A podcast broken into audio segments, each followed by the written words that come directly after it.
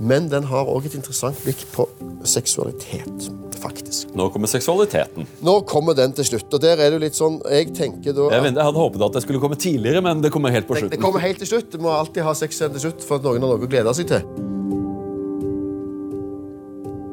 Velkommen til Toyes time, og i dag har vi med oss Aslak Sira Myhre, som er Norges nasjonalbibliotekar. Velkommen. Tusen takk, Asle. Takk for at jeg får være her. Jeg har gledet meg sånn til å snakke med deg, for du er vel en av de som eh, Slagstad i sin bok kalte en av de nasjonale strateger. En mangslungen karriere. Du var leder av RV fra 1999 til 2003, var det vel. Det er forløperen til Rødt. Du har vært journalist i Klassekampen eh, og en av Norges store sportskommentatorer, av alle ting. Du var leder av Litteraturhuset i oppbyggingsfasen, som har blitt den kanskje viktigste kulturelle arenaen i hovedstaden. Og nå er du leder for Nasjonalbiblioteket. Kan du ta oss og fortelle oss litt om din reise? Er dette bare tilfeldigheter, eller var det en plan her? Ingen plan, i alle fall. Eh, men jeg syns det er et ganske kjekt spørsmål å få. Fordi at eh, eh, altså, Nå begynner vi å bli gamle. Altså, I hvert fall det som vi syntes var gammelt når vi var tenåringer og i 20-åra. Ja, det er sjokkerende.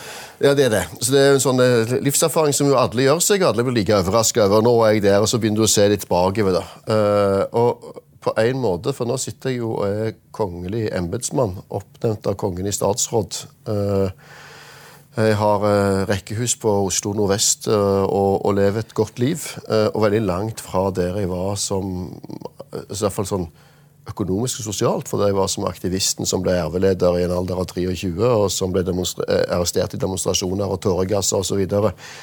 Uh, og hva er det som skjer langs den veien? Og Det ene er at det er tilfeldigheter. Når jeg bestemte meg for å slutte å være politiker, da var jeg nesten 30. Da hadde jeg vært yrkespolitiker i ti år. i Ungdom mot EU, i antirasistisk arbeid, i Natur og Ungdom, i studentpolitikken og altså da i RV og diverse aksjoner. Så nærmet jeg meg 30, og så sier jeg at ok, hvis jeg fortsetter nå, Ja. så blir jeg politiker. Altså Hvis jeg fortsetter å være RV-leder, så er det det jeg blir, og da er det resten av livet sånn. Og Det hadde jeg ikke lyst til. Jeg hadde lyst til å gjøre noe annet. Og så er det ganske tilfeldig at uh, jeg ble kontakta av en organisasjon som heter Foreningen Les, uh, som jeg ikke hadde hørt om. uh, og som uh, drev med å få barn og unge til å lese bøker. Ja. Og lurte på om jeg ville jobbe med det.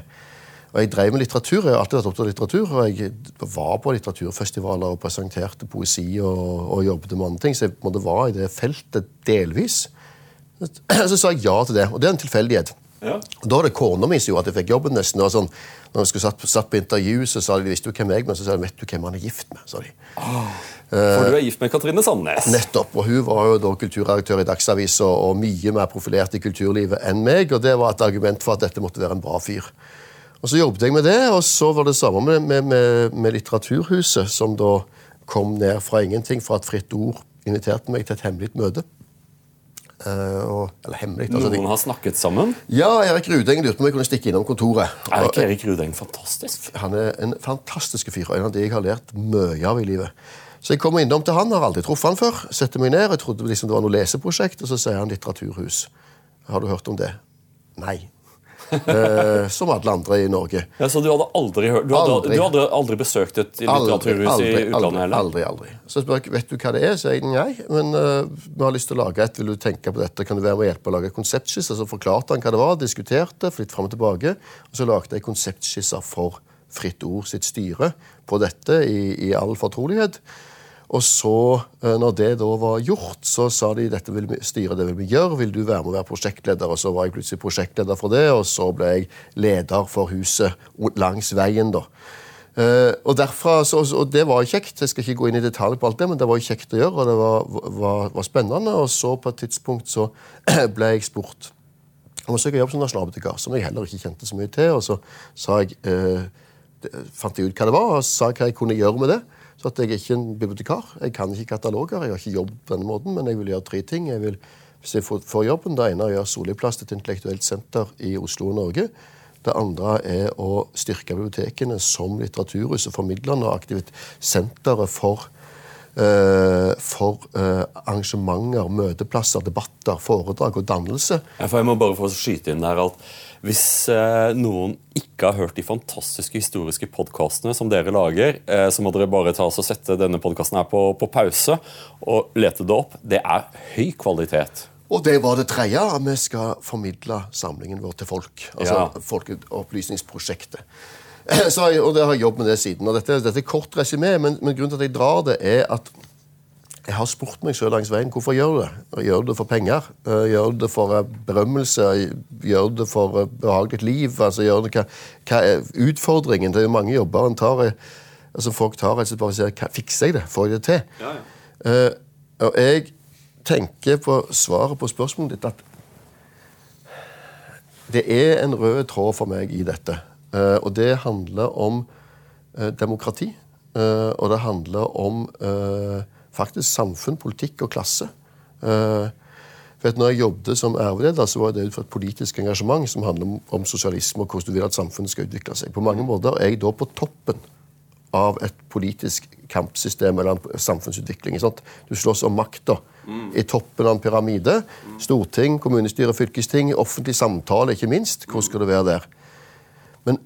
Det som ligger til grunn for engasjementet mitt, det er jo et, eh, et ønske om rettferdighet, men òg en idé om at rettferdighet kan du først få, og frihet kan du først få, hvis alle har like muligheter. Eh, hvis alle i utgangspunktet er frie eh, til å søke den samme lykken eller den samme utviklinga som mennesker. Og, hvor, og hvordan gjør du det?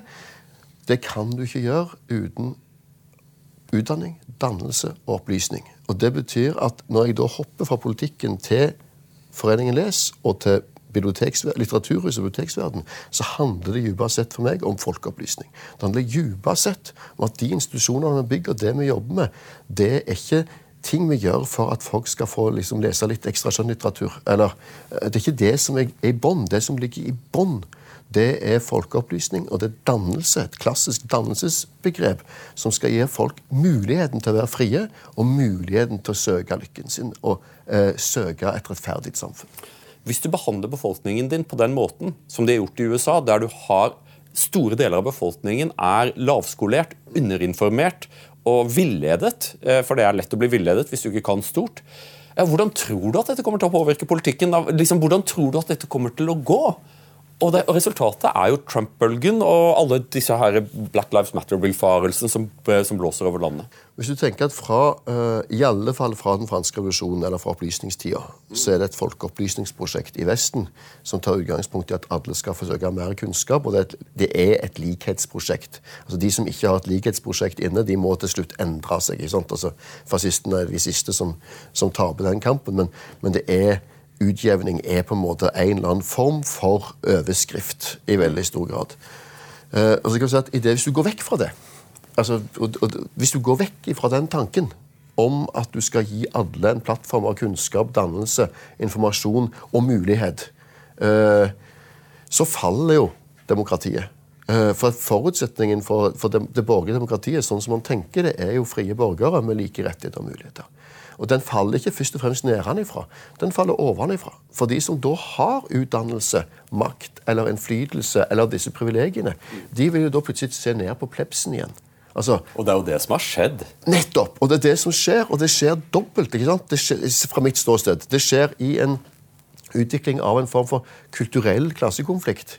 Eh, hvor avstanden mellom de som kan spise med kniv og gaffel og eh, drikke av rett glass og har lest de rette franske filosofene, som samtidig òg er de som har de rette holdningene til, til eh, seksualitet, til eh, likestilling, til kultur og dannelse og kunst og moderne kunst osv.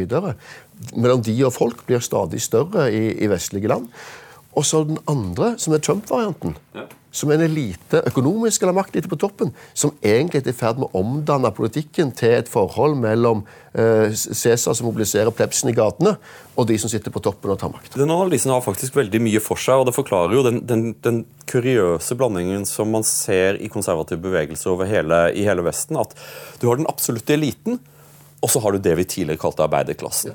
Eh, og jeg tror at det også er, er en refleksjon av Jeg tror nok at eh, den høyskolerte middelklassen er ganske blinde for hvor mye av deres forakt eh, for, eh, for de under seg handler om nettopp en, et intellektuelt snobberi. At man ser ned på mennesker man anser for å være sosialt underlegne og så vil man begrunne dette, og det er derfor man kaller dem rasister, eller at man finner en eller annen merkelapp man kan klistre på dem. Det går ikke an å overvurdere dette. Det går an å overvurdere deler av det. Det går an å overvurdere kampen om kjønn eller Black Lives Matters eller kunst og moderne kunst eller, eller et teaterstykke på, på, østkanten i Oslo som definitivt har fått for mye oppmerksomhet. og, og mye, altså, det, Elementene, ja, de blir, blir, blir, blir altfor viktige i forhold til f.eks. For strøm eller andre ting som påvirker oss på en helt annen måte.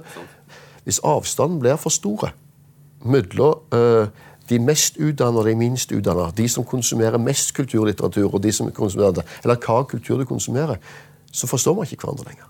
Og så er, det jo, så er det også en tendens til at ikke, ikke alle har lik tilgang på, på ordskiftet. Ordskiftet er utrolig viktig for, i et demokrati. Det er folket i debatt med seg selv. Og ut av disse debattene så, så utkrystalliseres eh, det som politikerne lytter til. Hvor er det folket står i dette? Og Da er det jo viktig at alle på en eller annen måte har tilgang til dette, men slik er det ikke lenger.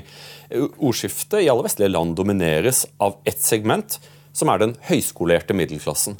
Og Det var ikke så veldig problematisk på 1900-tallet, der det var en bred middelklasse eh, og en veldig liten arbeiderklasse, en liten overklasse. Men som Thomas Piketty har vist i Capital in the 21st Century, så har vi i løpet av ganske få år gjenskapt klassesamfunnet som vi så på slutten av 1800-tallet. Altså at du har fått en, en bred underklasse. En tredjedel av befolkningen er der.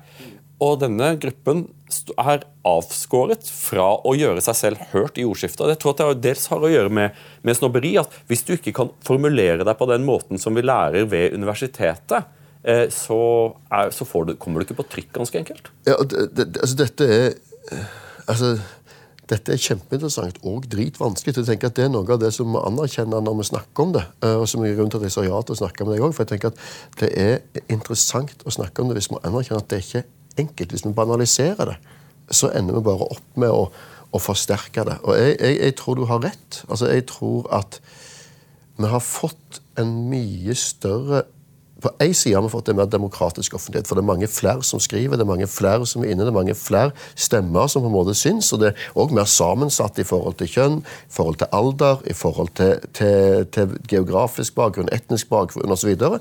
så den er bredere. På den andre sida så er det sånn at de som ikke kvalifiserer, og her er det utdanning, her er det skole, her er det middelklassen, og en del sånne kulturelle eh, markører som kvalifiserer deg inn akademisk, som du sier. Hvis du ikke er der, så er du ikke til stede i det hele tatt. Underklassen, arbeiderklassen f.eks. Og det er interessant at de hadde i etterkrigstida tilgang til offentligheten. Eh, fordi at Når du da bygger etterkrigstidas Norge, så er det sånn at når Gerhardsen sine menn, dels fra konsentrasjonsleirene i, i Tyskland for øvrig, kommer inn, og de var først og fremst menn, så kommer de inn for siste gang med en arbeiderklasse som har blitt holdt ute ja. av privilegerte posisjoner. Mm. De har ikke hatt muligheten til å ta utdanning. De har ikke kunnet ha en sosial mobilitet. Enten fordi at de ikke økonomisk har laget til rette for det, eller fordi de er blitt holdt ute politisk. Så det kommer inn en jækla masse jækla flinke folk. Det er realiteten. Ekstremt dyktige menn som kommer fra arbeiderklassen, og som formulerer seg som en Håkon Lie eh, i stor grad på en måte arbeiderklassen forstår og fungerer. Og som tar de med seg klassen opp, men de representerer òg det på en eller annen måte. Men vi kommer begge to fra arbeiderklasse, og liksom ikke så veldig fjernt geografisk heller. Morsslekta mi kommer fra Utsira, farsslekta kommer fra industriproletariatet i, i, Oslo. Og det syns jeg er interessant, da, for vi har kanskje noen av de samme opplevelsene hvis vi vender tilbake til bøker.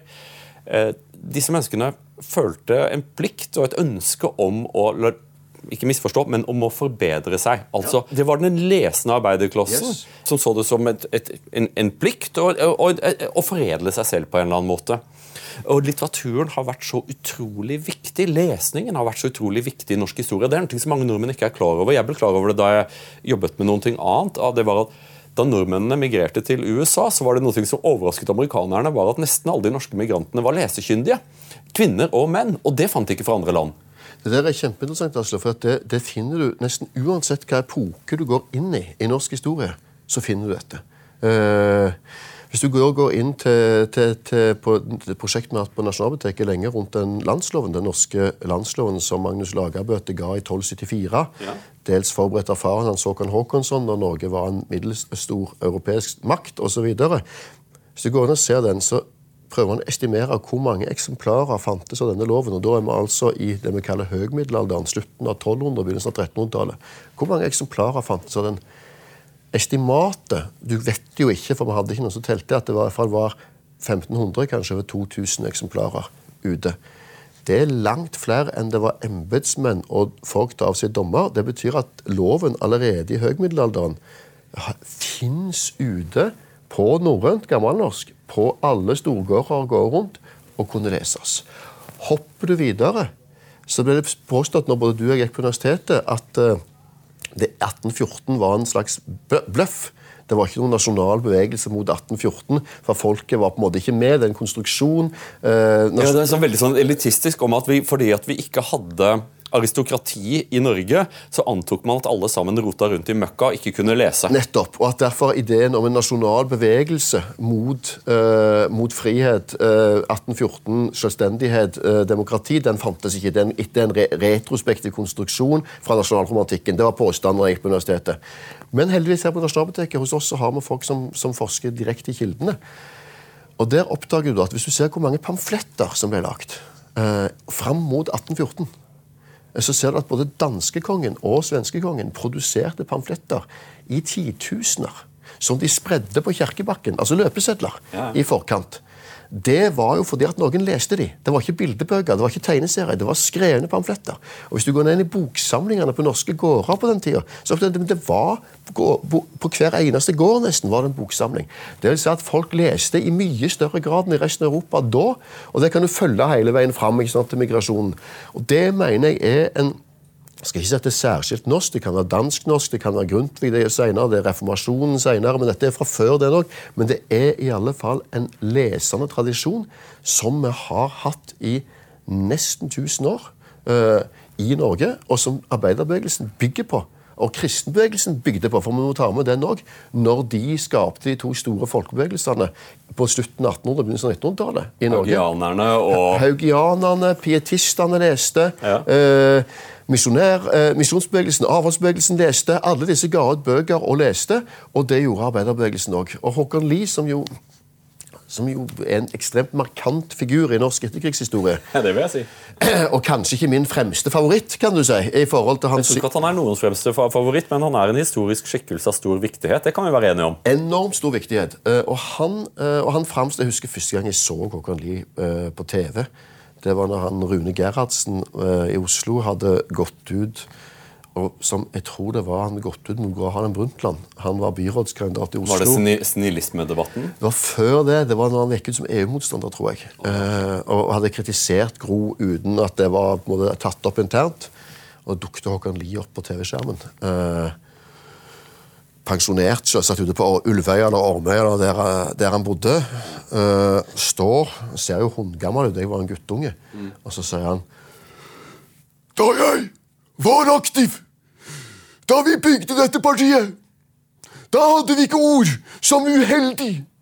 Eller at det ikke var passende. Da kalte vi ei spade for ei spade. Og da, Rune, da kalte vi det svik! Og jeg ble jo pisseredd. Ja, for Håkon Lie kunne skremme fanden på flatmark. Han kunne skremme hvem som helst. Og her var den gamle mannen på, på 70 på vei mot 80, men han var fortsatt dritskremmende.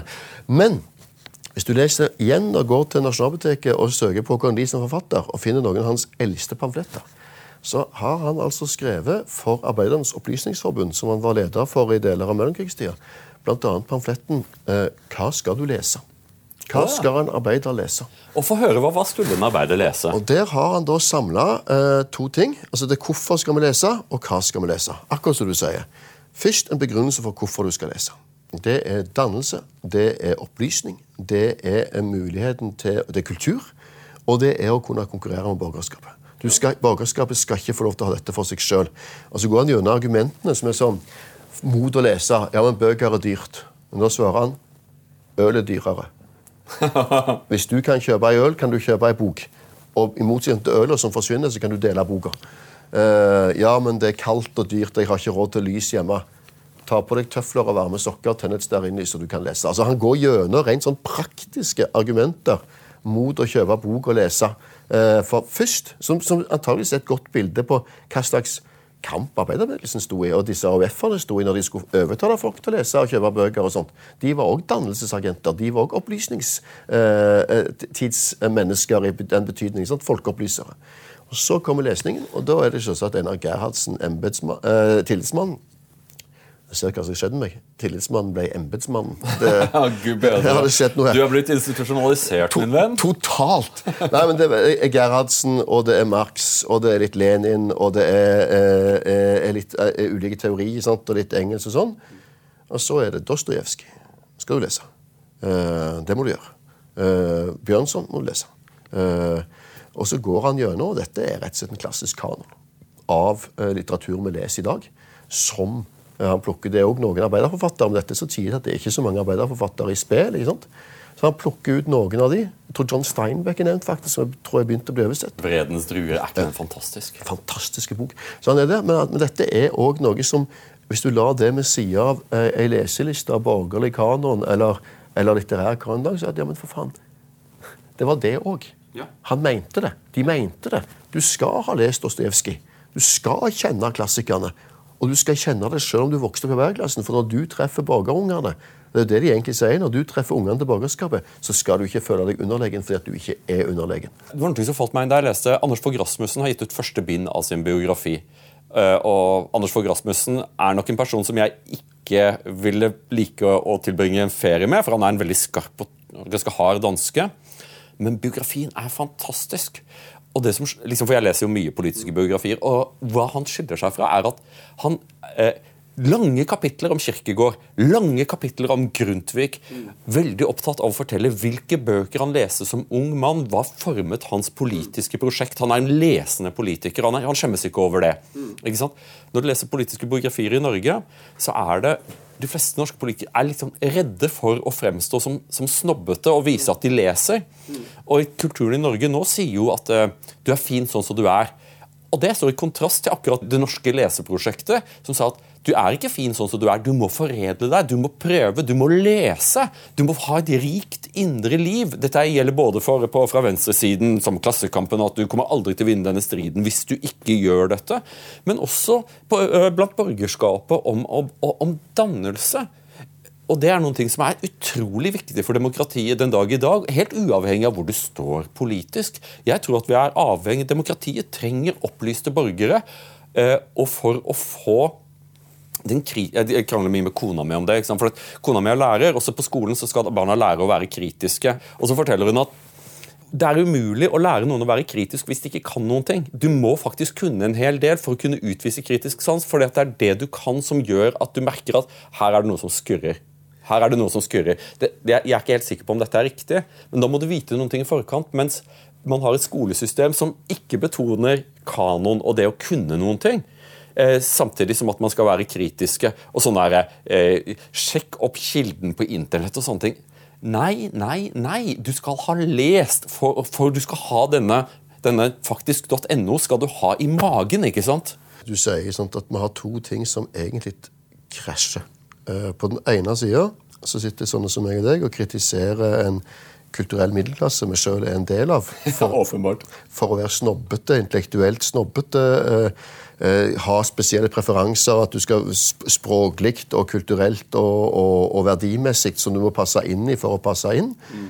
Eh, og så at det må ha slutt på. Altså mye mer eh, åpne, egalitært, eh, og, og, skal, og oppvurdere på en måte arbeiderklassen eller de ukultiverte eller uskolerte eller andre folk sine eh, erfaringer som valide. ikke sant? Og så sier vi samtidig begge to med stor entusiasme folkeopplysning, dannelse. Ja. Eh, og da er jo dilemmaet som det gamle dannelsesprosjektet eh, til, til tidvis til borgerskapet var, at det var et prosjekt for å bli som meg. Eh, les det samme som meg, gjør det samme som meg, og hvis du er skikkelig heldig, kan du bli som meg. Ja. Som du skjønte at ikke kunne bli, fordi at i England, som du kjenner svært godt, så, så hadde borgerskapene og adelen generasjoner å gå på.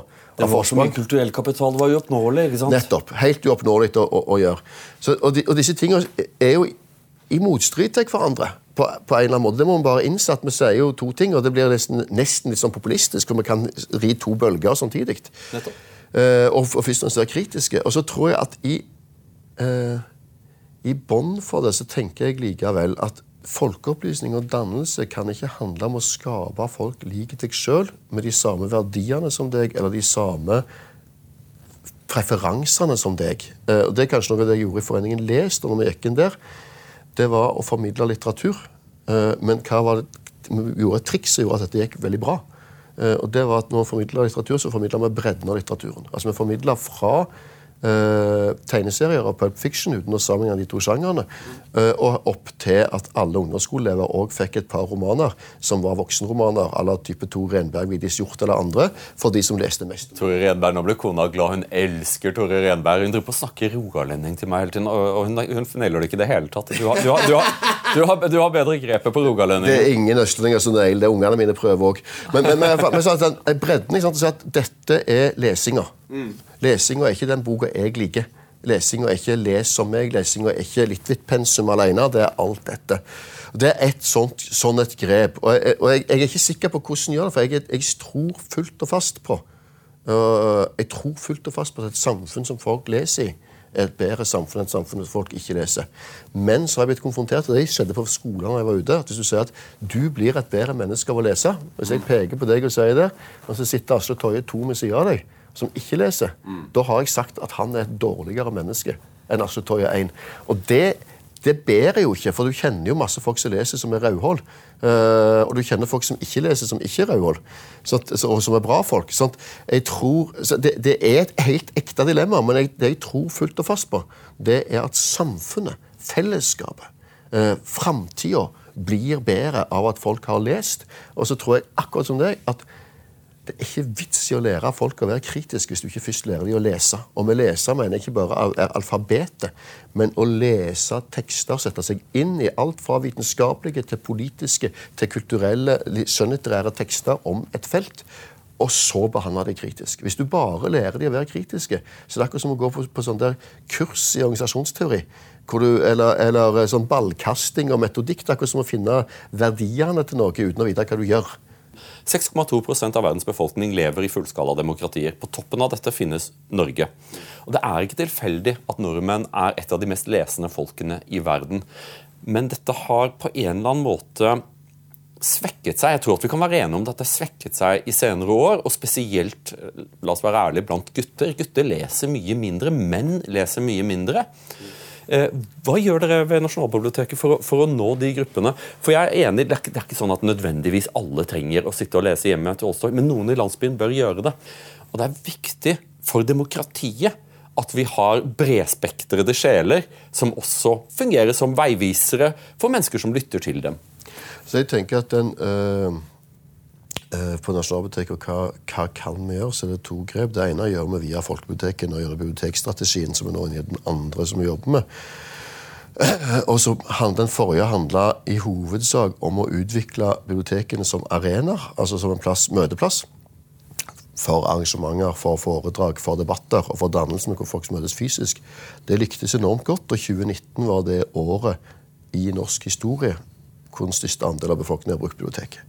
Uh, og der ser vi at Når det da kommer historieforedrag, og andre ting, så kommer også menn inn og bruker det i større grad. Det er litt sånn hvordan du programmerer hva du får inn. Det vi gjør nå, det handler om å få uh, sammen med folkebibliotekene, for det er de som utøver dette, å øke lesinga. Uh, det var jeg jo med på, bl.a. sammen med Kristin Clemet, som da var, var utdanningsminister, i lesekampanjen på begynnelsen av 2000-tallet. Ja. Uh, Kristin er fin, er hun ikke? For det er hun veldig flink på dette. var veldig, Ga voldsom støtte på det. og Der jobbet vi med dette og fikk ut litteratur. og Vi klarte å snu det. Det vi gjorde da, det viktigste grepet tror jeg, var i skolen. og Det var at vi skilte mellom uh, hva skal jeg si, dannelseslesing og lystlesing. Ja. Altså dette, Ibsen leser du fordi at du må. Det er en del av dannelsen din. Uh, men ikke si at Ibsen eller Bjørnson er noe du leser fordi det er kjekt. For hvis du sier til en 15-åring at det er dette som er det kjekkeste du kan lese, så kan du bare glemme at vedkommende går hjem og leser sjøl. Det virker jo nesten som at i det øyeblikket du blir tvunget til å lese noe på, uh, på, på, skolen, så slutter folk å lese disse forfatterne. Ja. Jeg tenker Spesielt i forhold til Bjørnstjerne Bjørnson, som er så utrolig viktig i norsk historie, blir nesten ikke lest i det hele tatt. Uh, og jeg tror at hans uh, bane var nettopp det at han ble, at han ble kanonisert. Og så ble det litt sånn åh, ja, det, det, det, blir for seriøst, det blir for vanskelig. Dette kan jeg bekrefte på egen hånd. Altså, drept av skolen. Jeg husker jeg når vi skulle lese Bjørnson på videregående, så skulle vi lese En glad gutt. Uh, nei, vi skulle lese Synnøve Solbakken. Sånn var det. Det hadde jeg gjort så mange ganger og var så lei av, for det hadde vi gjort på ungdomsskolen òg. Så jeg ba om å få lese En glad gutt og, og slakte han for klassen. Uh, og Det var som et slags livsprosjekt å bare få lese Bjørnson og fortelle hvor dårlig jeg syns det var. Ja, ja. Uh, og da, fordi at det, det, uh, det har endra seg, heldigvis. Kanskje for mye. Kanskje er det for lite av Eh, dannelse og kanon, men, men det dreper et forfatterskap fullstendig. Og jeg måtte jo være godt oppi i 20, kanskje 30-åra for å skjønne hvor radikale Bjørnson var, eh, og hvor mye han har betydd eh, i norsk historie i det andre halvdel av 1800-tallet. Og det er drept av at altså Synnøve Solbakken for 140. gang eh, gjentatt gjentatt. Det, det, tar det ut. Men det var et av de grepene vi, vi gjorde. Eh, og så er det den andre grepet vil si er eh, hva er viktig? Hva er bra litteratur, og hva skal du lese? Eh, veldig mye av skjønnlitteraturen og den skjønnlitterære kanonen er i dag eh, eh relasjonell. Eh, eksistensiell, kanskje. Eh, skriver mye om enkeltliv. om det indre livet. fra gammelt av så ble det alltid sagt, og gammelt det her 80-tallet 90-tallet, så ble det sagt at menn må lære mer av kvinner, sånn at menn kan snakke mer om følelsene sine. Det har forandret seg, det? Har du det? Det har forandra seg, og det, en, og det, er en, sannhet i det. Men jeg vil tenke at det fins en motsats til det. Og det at øh, kanskje det fins en egenverdi i det menn gjorde når de ikke snakket om følelser òg, som var å snakke om ting. Å gjøre ting. Handle. Uh, gjøre ting i verden. Bygge et hus. gå ut og fiske. Gå på jakt ha et prosjekt sammen. Altså Ikke et prosjekt som er å sitte og snakke om hvordan har vi det nå, men et prosjekt som er å skape det og gjøre noe sammen. Jeg kjenner at jeg får begynne å få, få høy puls og angst bare når du sier liksom, å sitte og snakke sammen hvordan vi føler oss. Ja. For meg så er det tortur. Nettopp. Og det er da, øh, tenker jeg da, at hvis du da ser på hva vi, Du spurte hva vi gjør på Nasjonalbiblioteket, så er det bl.a. den formidlingen av historie som vi gjør nå. Hvor vi deler den eldste samlingen vår jo er òg en kilde til norsk historie. Ikke bare til litteratur, film og musikkhistorie eller det som har skjedd de siste hundre årene, men det som har skjedd de siste tusen årene. Og når vi formidler det, så når vi helt åpenbart ut til menn på en annen måte. Ja, for Da må vi vende tilbake til landsloven av det var vel 1274. Eh, Codex Hardenbergiensus. Eh, dette her er vel eh, så langt kanskje din største triumf? At du klarte å få hentet denne praktutgaven av landsloven tilbake til Norge, slik at nordmenn kunne få se den. Kan du fortelle litt om prosessen, og fortell også litt om hvorfor akkurat dette prosjektet var så viktig for deg?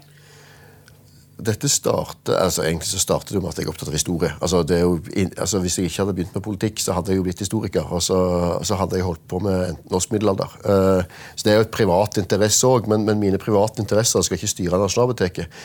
Eh, det som da skjer, er at det første året jeg er nasjonalbibliotekar, så blir jeg invitert til København for å se Nasjonalbiblioteket der, som er kjent som Den sorte diamant i København. Det er et mm. veldig vellykka nasjonalbibliotek i betydning at de når ut med formidlinga si og har blitt en kulturscene fra den internasjonale forfatterscenen osv. Og, så videre, og mye utstillinger, så jeg skulle se på det. Daværende dansk nasjonalbibliotekar Erland Kolding Nilsen han var historiker, han òg, og en, en, en eldre herre. Hans første kommentar var hvor gammel jeg var, for han var litt bekymra for at hvis jeg satt ut livet, så kom jeg til å bli Europas lengstsittende nasjonalbibliotekar, og det var han i øyeblikket. Og han ville ikke ha konkurranse. Så det kan jeg skisse hva slags type menneske dette er, da. Ja, ja. Men han lurte, han lurte, på om det var noe jeg ville se når jeg var der. Og så sa jeg at middelalderdokumenter er jeg veldig glad i. og, og Hvis du har noe fra middelalderen som er relatert til norsk historie, vil jeg gjerne se det. Og så tok han meg ned i magasinet i kjelleren og så viste han meg dette dokumentet som heter Codex Hardenbergianus, og som er en utgave av landsloven fra tidlig 1300-tall. og Landsloven er fra 1274. eh, som er et manuskript som egentlig er en sånn ting som du ser i filmen 'Rosens navn', og, an, og i- for så vidt i sånn Dan Brown-fortellinger og den slags. For den er så flott. Og så, det, det er jo et kunstverk. Det er en illuminert, illuminert som det heter så fint, uh, sånn tegna utgave med sånne fantastiske framsider av bokstaver og, og små figurer tegnet rundt på hver eneste side. Det er et nydelig manuskript av den loven. Og når jeg så det for første gang og fikk bladet i det, så fikk jeg helt sånn så Det gikk en sånn ave gjennom hele kroppen min. Eh, angst og bevende og respekt og følelser av samtidighet med historien som jeg nesten aldri har hatt før i hele mitt liv. Det eneste jeg kan sammenligne med, var vel egentlig når jeg så Magna Carta utstilt på British Library samme året. Og de, sa, og de tenkte i hodet det var akkurat, det, akkurat dette, fordi at jeg hadde sett Magna Carta i British Library, som jo også er en helt sånn enorm opplevelse. at det, det er den faktiske Magna Carta med seilet unna. Og så poenget at Landsloven har like stor betydning for norsk historie som Magna Carta har for engelsk. Og faktisk så viste det seg, det lærte jeg senere fra professor Jørn Øyragen Sunde, annet, at landsloven i europeisk sammenheng betyr nesten like mye som Magna Carta. Ja, for Det er viktig å understreke her at landsloven virker i Norge i 600 år. Dette her er et ekstre, Det er knapt noe dokument i Norge som er viktigere i norsk historie, som, som har en lengre virkningshistorie. Fra 1274 til slutten av 1600-tallet er dette norsk lov. Når Kristian Kvart skal lage sin norske lov, så er det egentlig bare en oversettelse av eh, landsloven til dansk. Da leste ikke folk norrønt lenger, for den var på gammelnorsk. Eh, og forsto han ikke, oversatte han dessverre ganske dårlig. Og så kommer Kristians femtes norske lov. Og landsloven har, har ikke paragrafer, men prinsipper vi finner igjen i Grunnloven fra 1814 og finner igjen i rettspraksisen i dag. Eh, så Det er et viktig dokument for vår historie, men det er òg bare den tredje landsloven som gis i Europa, og den første som fungerer som landslov. Det vil si at hvis, hvis et lands lov, en felles lov for hele landet, er det som definerer en stat, så er Norge den første fungerende staten med en landslov i hele Europa. Hele europeisk historie. Eh, Så dette er viktig og grensesprengende. Og da tenkte jeg at denne ligger i København, nede i en kjeller, hvor han betyr ingenting. Ikke for danskene, nei. For danskene. For oss betyr han mye. og Så fikk jeg se hvem som hadde vært inne og forska på den og lest på den. og Det var ingen. Det var, det var jo ingen andre som var brydde seg om Så det var ingen som hadde hentet den ut. Så jeg tenkte dette vil jeg vise fram. Dette må vi vise fram i Norge, for dette er en del av vår historie. Vi har en kopi av landsloven eller to på Nasjonalbiblioteket fra før. Vi har to på Riksarkivet. Katta, eh, altså Oslo katedralskole, har- én i sitt bibliotek. Det fins en i Trondheim, i boksamlingen der. Så det fins ulike plasser. Men ingen så flotte som dette. Dette er liksom eh, juvelen i krona, om du vil. Dette, og, og dette er også beviset på at vi i høgmiddelalderen hadde denne tradisjonen i Norge. At vi lagde den type manuskripter i Norge Hvor ble, hvor ble den laget? i Bergen. Den er lagd i Bergen, uh, som da var en av to hovedstader uh, i landet. Og den er lagd, tror man, dette kan ikke jeg, men de som kan det, sier at man kan antageligvis identifisere den islandske munken hvis håndskrift dette er. Og Det kommer fra et gitt kloster på Island. Eh, man kjenner igjen stilen derfra. Islendingene var jo våre klerker, våre skrivere. Ja. Enten har, har denne islendingen kommet og jobbet i Bergen, eller så har han kommet og lært opp folk i Bergen. Men den er definitivt lagd i Bergen, det vet vi. Så det er en norsk produksjon, og dette er et miljø som ikke varer lenge, men som er den korte tida vi har denne type miljø i Norge. Men dette er jo nesten revolusjonært, for dette går jo imot veldig mye av det vi lærte på skolen om norsk middelalder. Eh, For det norsk middelalder Nå, nå karikerer jeg, men vi lærer at eh, Først var vi vikinger og var vi ivrig opptatt med å slakte hverandre. Og Så ble vi kristne, men så kom eh, svartedauden, og så kommer 400-årsnatten, hvor vi roter rundt i møkka, og så, og så vi, får vi friheten i gave. Jeg er helt enig med deg. Hvis du på en måte ber vanlige folk med en viss, altså folk med en viss historisk kunnskap tegne på en tidslinje, så ville jeg sagt vikingtid, svartedaud, reformasjon kanskje, Ja. 400-årsnatt, 1814, 1905, 1945. Det er, altså krigen. Det er historien sånn som du bolker den. Eh, og problemet med det er Det er mange problemer med det, selvsagt, som alle forenklinger av historie. Men problemet med det, sånn som jeg har engasjert meg i det siste, det er knytta til uh, uh, synet på norsk middelalder og hva det betyr for synet på Norge i dag. Fordi vikingtida, som man sier starter med Lindisfarne i 793, antagelig så starter det før det, men, men som sagt på 793, det er et kongedømme i Norge som i beste fall er et reisekongedømme. I betydningen av at kongen reiser rundt fra plass til plass Eh, og der han er, der spiser han opp skatten sin og drikker han opp. og Der holder han her, og der kan han styre. Ja. Når han ikke er der, så er det Erling Sagsson som styrer på Sola, og det er Einar Tambarskjelva som styrer i Trøndelag osv. Det er ikke et institusjonelt kongedømme som, som fungerer.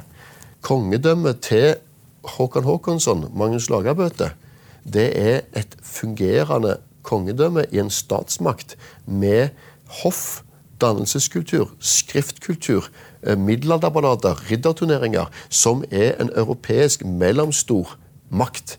Det er altså de to avstandene mellom disse to tingene som vi slår sammen til én ting fram mot svartedauden, er etter mitt syn eh, større enn avstanden fra 1814 og fram til i dag. Historisk. Eh, det er to, utviklingen i den perioden er så store. Det endrer seg så mye. Vi har, vi har vikingskip, og takk og lov for det, ute på Bygdøy, som minner oss om dette. Vi har vikingsverd, og vi har eh, gravene og gravhaugene og ting vi finner og ser i museer rundt omkring i hele landet, som minner oss på bronsealder- og vikingtidshistorien vår. Men vi har ikke utstilt nesten noen ting fra høgmiddelalderens dannelsestradisjon. Uh, høgmiddelalderens norske fungerende stat og kongedømme og høykongedømme og høy kultur.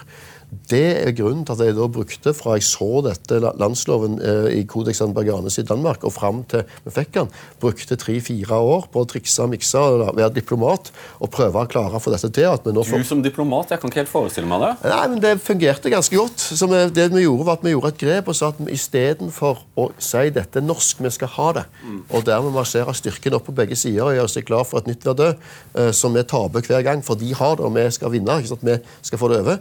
Så sa vi vi vil låne det og stille det ut. Vi vil ikke ha eiendomsretten, men vi vil bruke det som formidling i Norge. Og Det vant vi gjennom for Det kongelige bibliotek, og så vant vi også gjennom nå for over Gulatingsloven og andre dokumenter til utstilling, som har fått det til. Og Det jeg da tenker, uh, det er at uh, hvis vi nå får stilt ut permanent landsloven forhåpentligvis òg eh, eh, dokumenter som settergjerdet, altså avtalen mellom konge og statsmakt i Norge fra, fra litt senere på 1270-tallet. Hvis vi får stilt ut heimskringla-manuskripter fra den tida som viser hva man skrev og hadde. Hvis vi får vist ut salmebøker, salterier. Altså vise fram skriftkulturen, som er Nasjonalbiblioteket sin jobb i denne sammenhengen lånt ting fra Riksarkivet, pavebrev, andre ting, og viser fram skriftkulturen fra Norge i høgmiddelalderen. Og kan vise det fram i ett tiår, to tiår, tre tiår, fire tiår, som en stasjon mellom Kulturhistorisk museum uh, Naturhistorisk museum, mener jeg. Hva er det? Jo, Naturhistorisk heter det. Heter det på, uh, på, uh, i, i, sentrum sant, av Oslo, som har vikingskattene, og vikingskip på Bygdøy, så ligger den intellektuelle historien på veien derimellom. Får vi generasjoner på generasjoner av skoleelever og andre, eller år, årskull på årskull inn som får sett dette, så vil forståelsen vår av vår historie endre seg. For da har du noe å henge deg på. Du har sett objekten, du har sett at dette ble lagt, du skjønner at dette er en del av norsk historie. Og da endrer det seg. Akkurat den overgangen mellom det krigerske ettersamfunnet manifestert i vikingtiden og norsk høymiddelalder, eh, da må man lese Håkon Håkonsens saga. For Håkon Håkonsens saga den er ikke veldig lettlest. Men en fantastisk bok. Av og til så har jeg blitt anklaget for å skrive godt. Og i den grad jeg skriver godt, så er det for at jeg leser sagaene. Eh, og det er noe som er en, sånn, en innsikt om Hvis du skal lære å bruke vårt språk på en effektiv måte, les sagaene. Det, ikke, ikke bruk fremmedordene. Bruk punktum. Et grovskårent, men ekstremt kommuniserende språk. Dette funker for oss. Ja, Det er helt sant. og Det er jo noe av det som eh, Det er sånne ting som altså det, det er Apropos eh, bevegelser og endringer og dilemmaer. Altså, eh, du og jeg har begge vært på universitetene på 90-tallet.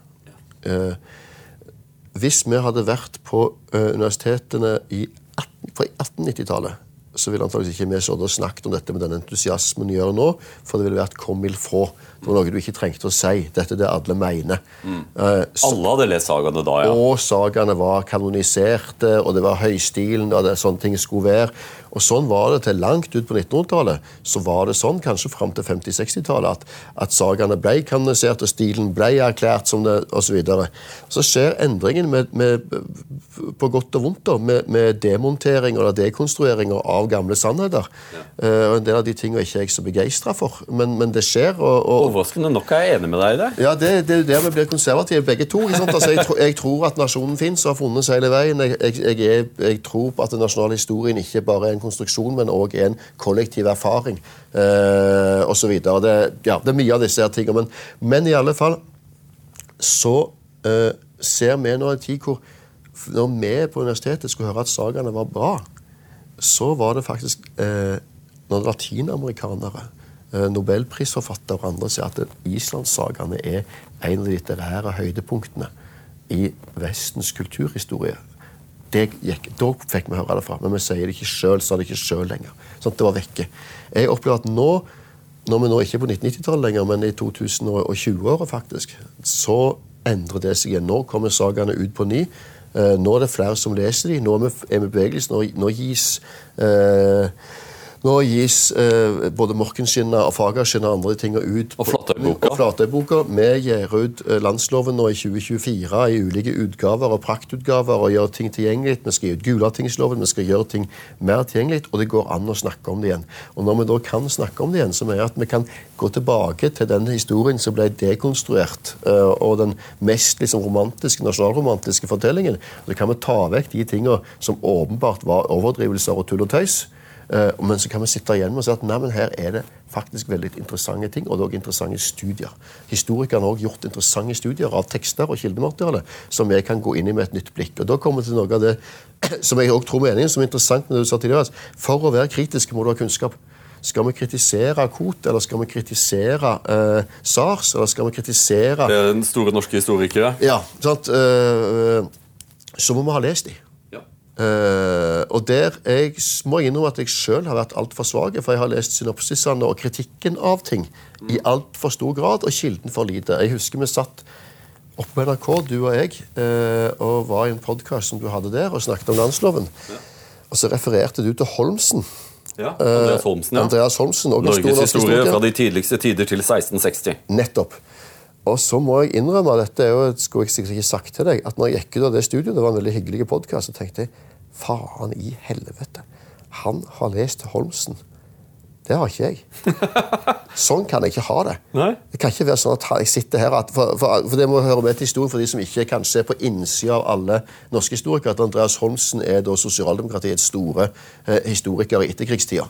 Mm. Uh, så han burde vært min og ikke din. Eh, og så har jeg ikke lest han, og jeg har han i boken, så gikk jeg rett hjem og så leste jeg Andreas Homsen fra perm til perm.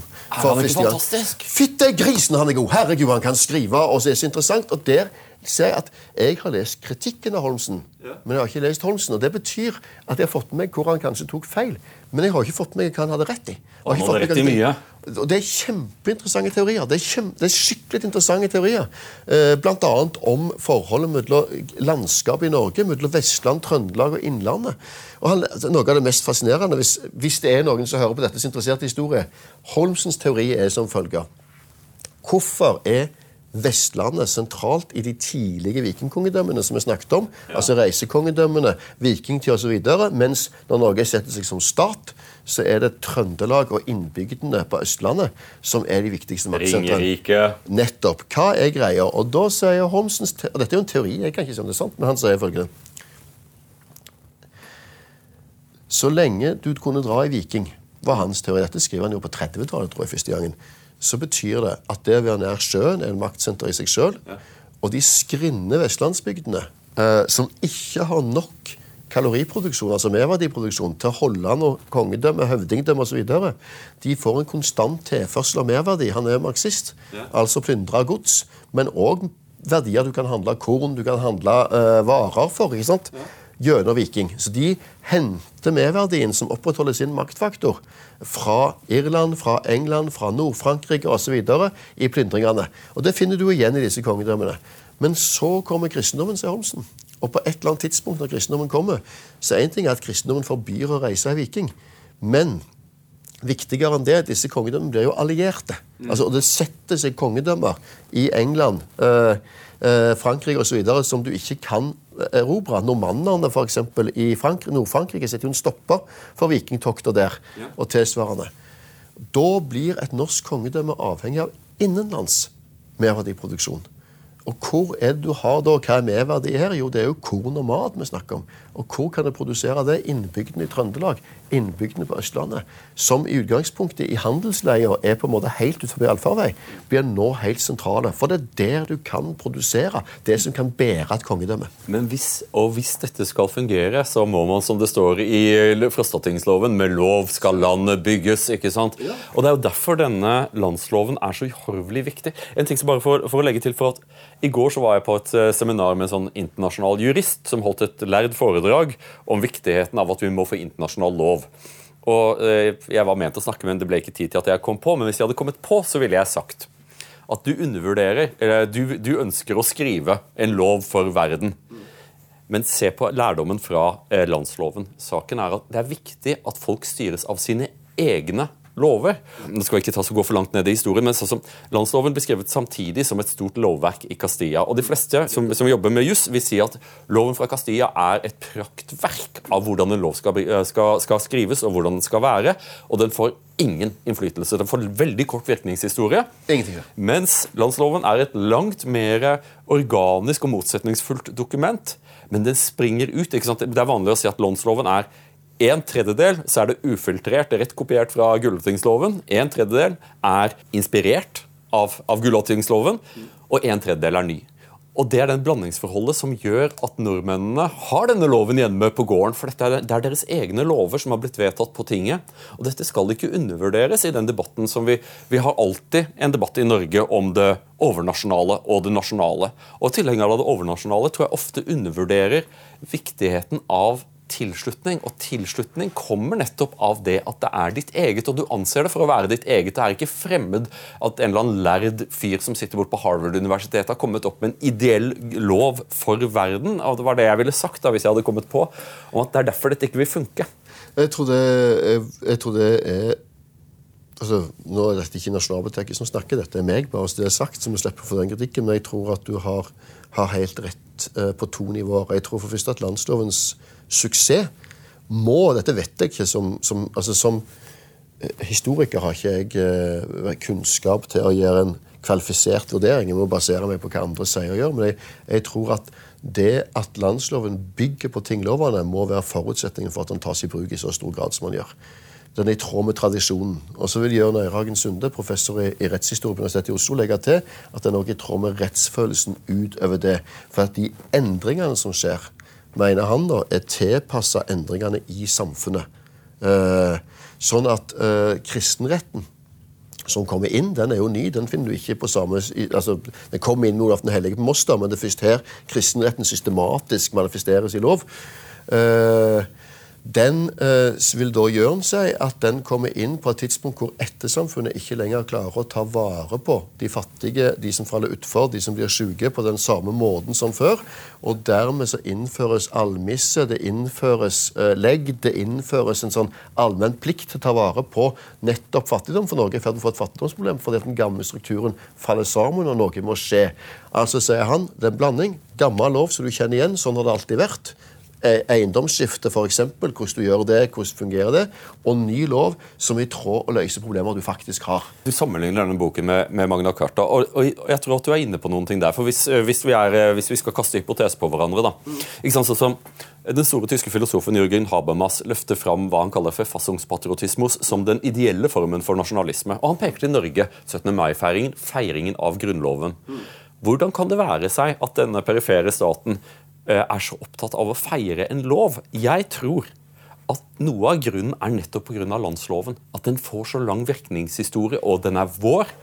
Og det gjør at man har et morsmonn, et jordsmonn, som Grunnloven kan plantes i, og som har blitt så viktig for nordmenn at vi, at vi, at vi knytter vårt nasjonale prosjekt nettopp til loven. Og noen, dette, dette, dette, er en av de tingene der verden ser til Norge og sier fanken, dette er den måten man må gjøre det på. Det er veldig interessant det du sier der. Jeg, jeg, jeg, tror du kan ha rett, for jeg tror at jeg tror historie går mye lenger tilbake enn vi tror.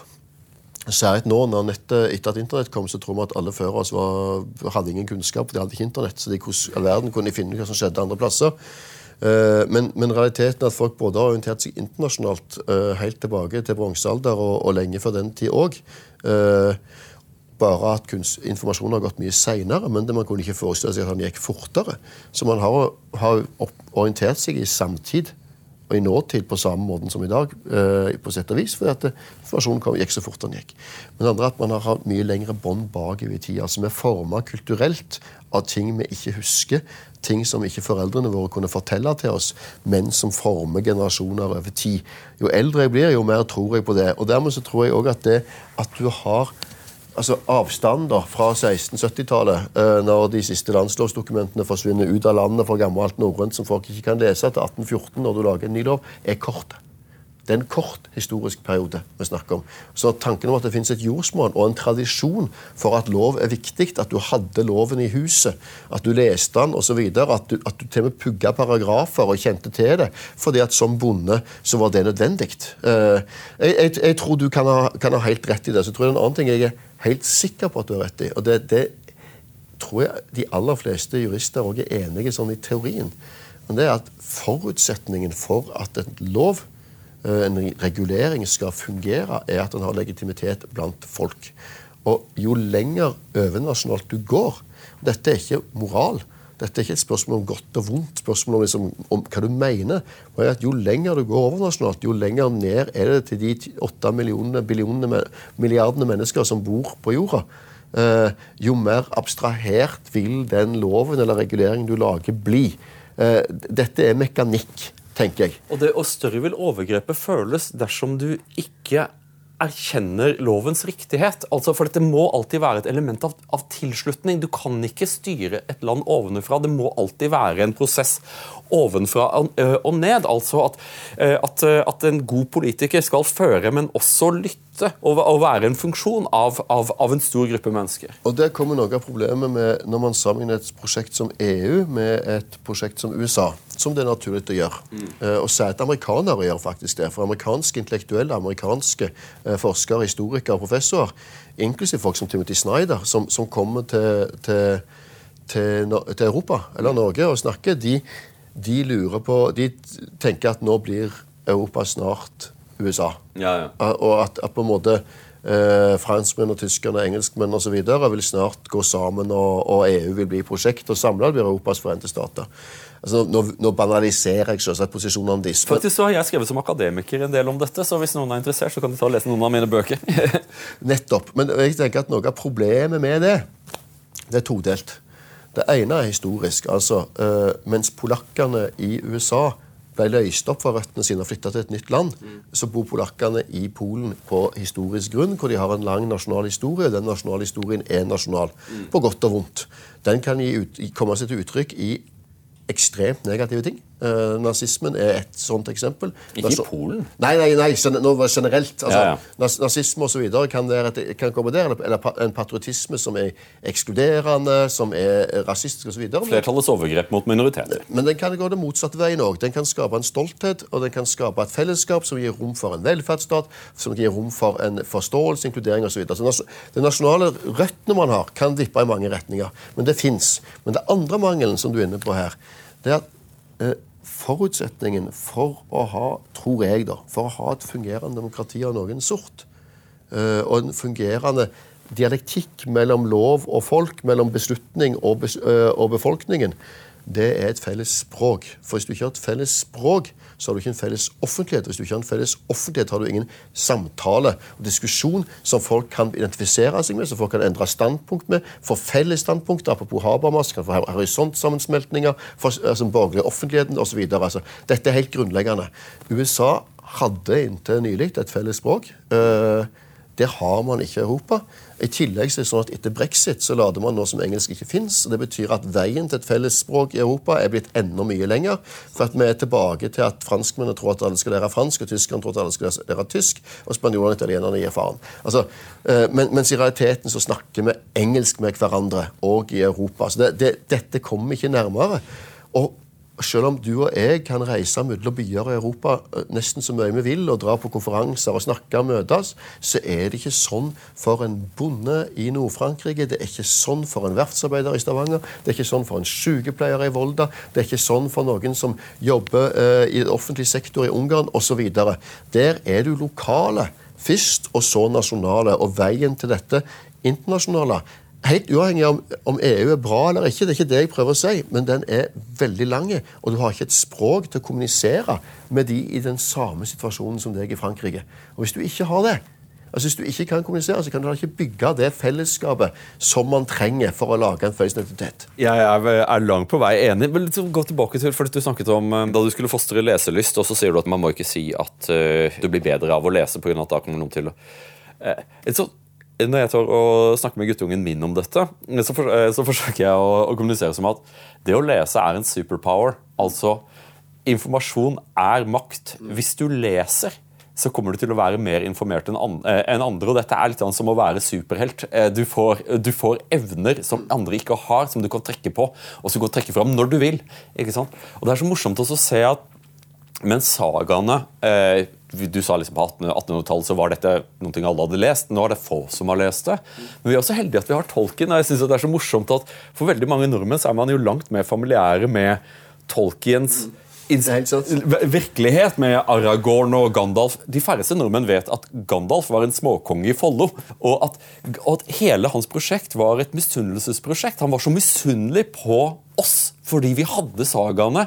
Mens det hadde ikke britene. og Derfor så forsøker han å skrive en mytologi for Storbritannia. som kunne være, som, og Han er jo veldig inspirert av, sag, av sagaene. Og så kommer dette inn bakveien, der de fleste nordmenn, er, eller i hvert fall gutter, ja, sikkert mange jenter også, kan sin Ringenes herre på fingerspissene men de har ikke lest sagaene som, som, var, som inspirerte 'Ringenes herre'. Nei, Det er helt sant. Og, det, og der finner du altså, for eksempel, Tilbake til Hobbiten også, så er det Fili, Kili, Oin, Gloin osv. Alle dvergenavnene, Balin og Dvalin de finner du hvor? Jo, du finner de i Vålhusbå. Det kommer fra Vålhusbå? De er henta inn derfra. ikke sant? Og det er, så det er helt sant. Og det, og det, men jeg tror at i forhold til sagaene så er det gjort én uh, ting som som jeg tror kan bringe han nærmere igjen. Og Det er noen år siden, og det var Saga forlag på Island. Altså et islandsk prosjekt.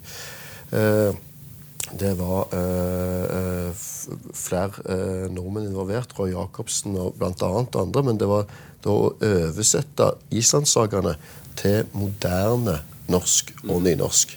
Og I betydning moderne så er veldig mange oversettelser av sagaene og Edda og landslov og andre som du finner, de vil være opptatt av å gjenskape syntaks og språk mm. uh, og språkfølelse. og Det gjør at de får en voldsom sånn altså de, de, høres jo veldig høyverdige ut når du leser dem. Altså, det er veldig flott å høre. ikke sant? Eh, altså, jeg, jeg, vil ikke si at dette ikke har verdi. Det er litt sånn som bibeloversettelser. Ja. Altså, det får en sånn eh, Nesten sakral klang. Ja, nettopp. Ja. En sakral klang. Men det er klart, hvis du skal få folk til å lese av entusiasme og interesse, mm. så er ikke dette så lurt. For det er fremmedgjørende og, og kjennes gammelmodig. Og Her ble det oversatt til både nynorsk og bokmål, alle, alle islandssakene. Uh, gitt ut i fem bind. Uh, men til moderne lesenynorsk og moderne lesebokmål. For meg var det en enorm øyeåpner. For da gikk jeg fra at jeg hadde lest, hadde lest noen sagaer, men det var dels skole, dels ikke, og lest for at jeg skulle få superkrafta mi, mm. eh, til at jeg leste av ren entusiasme. Altså ren glede. For de som lytter og som ikke har lest en eneste saga hele sitt liv, hva vil du anbefale er et, er et bra sted å starte? Ja. Eh, eh, fordi enkelte av sagaene, vi nevnte Håkon Håkons saga, den er ikke lettlest. Eh, mens andre sagaer er enkle. Jeg vil starte ikke norske kongesagaer. For det en ofte glemmer, at de norske kongesagaene er i veldig stor grad historikerprosjekter. Det er faglitteratur. Ja. Uh, si tids faglitteratur. Og det er grunnen til at Heimskringla står så sterkt, er at den er på en måte den hva skal du si, Snorre er en stor historiker, men han er òg en stor formidler. Så han prøver nærmest å skape, skape allmennsakprosa, om du vil. Ja. Altså Ikke for universitetene, men for folk. Uh, men det er fortsatt sakprosa av en eller annen sort. Uh, hvis du går til islandssagaene, så er de slektskrøniker. Men de er òg skjønnlitteratur på, på store nivå. Så jeg vil starte der, og da er det to jeg vil trekke fram. Det ene er den som regnes som den litterært beste, som er Njåls saga. Det er vi enige om den første Njåls-saga er et fantastisk litterært verk. Ja, Det er et fantastisk litterært verk, og det er litt sånn klassisk dannelsesverk òg. For her har du, altså, du har Gunnar og Njål, og du har, eh, du har godt og vondt. Og så har du så fantastisk mye vold i den. Det er, liksom, det er, jo, det er helt utrolig mye gladvold i den boka. Der. mye innebrenning og vold og andre ting, og det er, og det er damer som er eh, Men det, men det som er interessant med Njåls saga, er at der har du et, et type kvinnebilde. Ja. Altså, I Njålsaga er kvinnene manipulerende, eh, mektige og styrende, og de, og de på en måte Og infame. og infame og jævlige, og bruker mennene som dominobrikker i spillet sitt. På en, Ja. kan du se på en lesing. Denne er den ene, men så ville jeg da tatt en annen eh, som viser et litt annet bilde, som er en sånn unntakssaga, og det er den saken som heter Lakstøla-saga.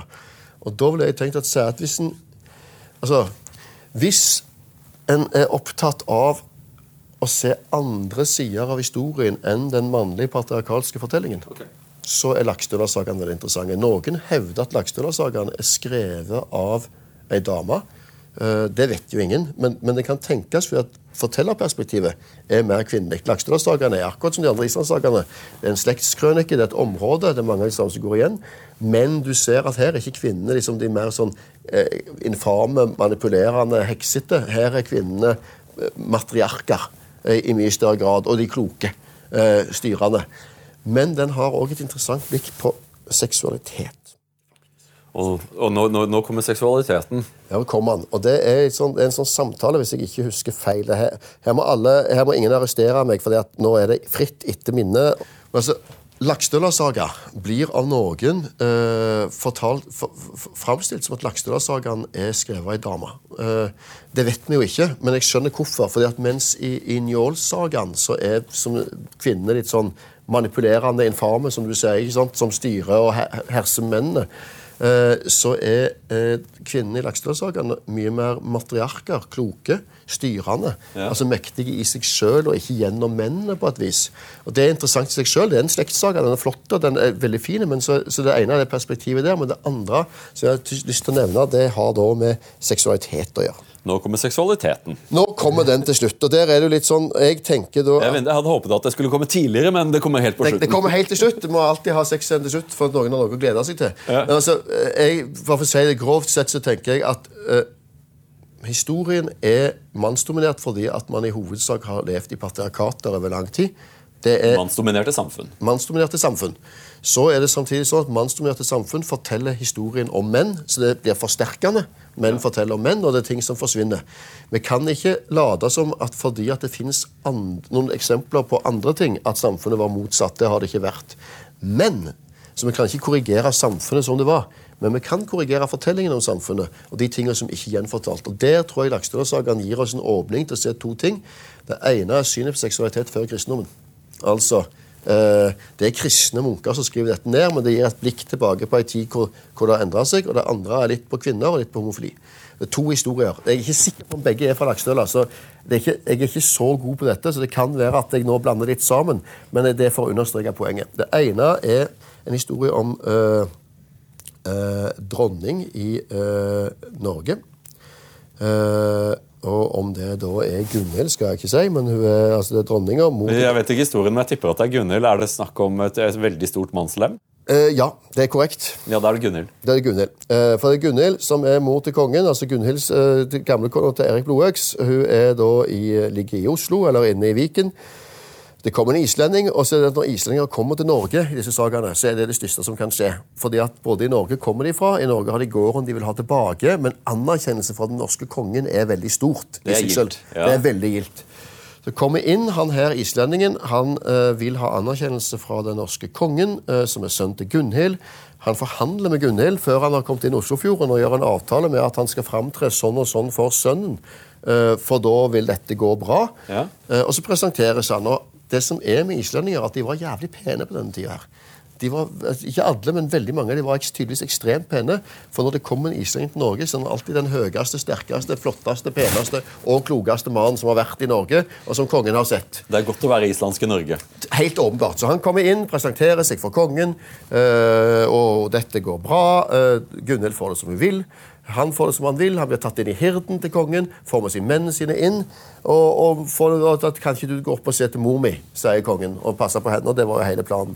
Og Så kommer han da dertil. Og her kommer da delen av historien som jeg liker særskilt godt. De kommer altså til gården der Gunhild Kongsmor holder til. Svær gård. Der bor de på ulike hus, eller loft som de kaller det, rundt. Gunhild har sitt eget. Og Nå står det i saken at hun tok til seg han og tok barnet om å komme og legge seg hos her, og der ble han liggende i 30 dager. Så hun skulle ha seg beta, hun? Hun skulle, seg, hun skulle definitivt ha seg beta, og dette er bytteforholdet. Og det er ikke noe moral i dette. De ler av det. Ja, ja, nå er han oppe og puler. Det er det som skjer nå. Men det som er den aktive. Altså, det som på en måte er, og det er ingenting skam over at hun er eldre enn han, eller alt dette. Og, dette, og det skildres relativt åpent. Ja. Problemet kommer når han vil hjem igjen. Det er der dette store lemmet dukker opp. For når han skal hjem igjen, så kommer dette uheldige at han kommer til å lyge for Gunhild uh, om at han vil hjem til ei dame. Ja. Uh, for han vil hjem til Island. Uh, og hun spør vil du hjem til ei dame. Eller har du noen der? Og så sier han nei, nei, nei. Men det har han jo. Ja. Og det vet du. Og så sier hun som straff for det at du at du uh, løy for meg, ikke for at du vil hjem. Men nå må du huske å si at Gunhild var kjent som en trollkvinne. Nettopp. Hun var ei trollkvinne som kunne trolle, så hun sier som straff for at du løy for meg. Helt greit at du er hjem til dama, altså jeg er gammel og du har ha et liv, du skal gifte deg og sånn, men du løy.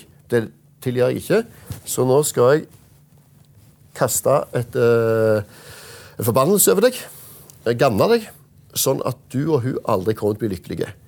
Og Da tenker jo de fleste liksom, hva gjør hun da? Ja, Det er ulykkelig kjærlighet, det er smerte, kanskje er det impotens, kanskje det er andre ting. Hva er det for noe? Men når han kommer hjem så blir han gift med hun dama. Lang fortelling om dette. Gift, De har drømt om dette lenge, alle er blitt enige, de gifter seg.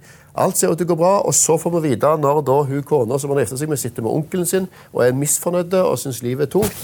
Så spør onkelen hva er det som er gale. Eh, og det er hvis nå oversatt jeg til dagens norsk. Så sier jeg nei, jeg har det ikke så bra med mannen.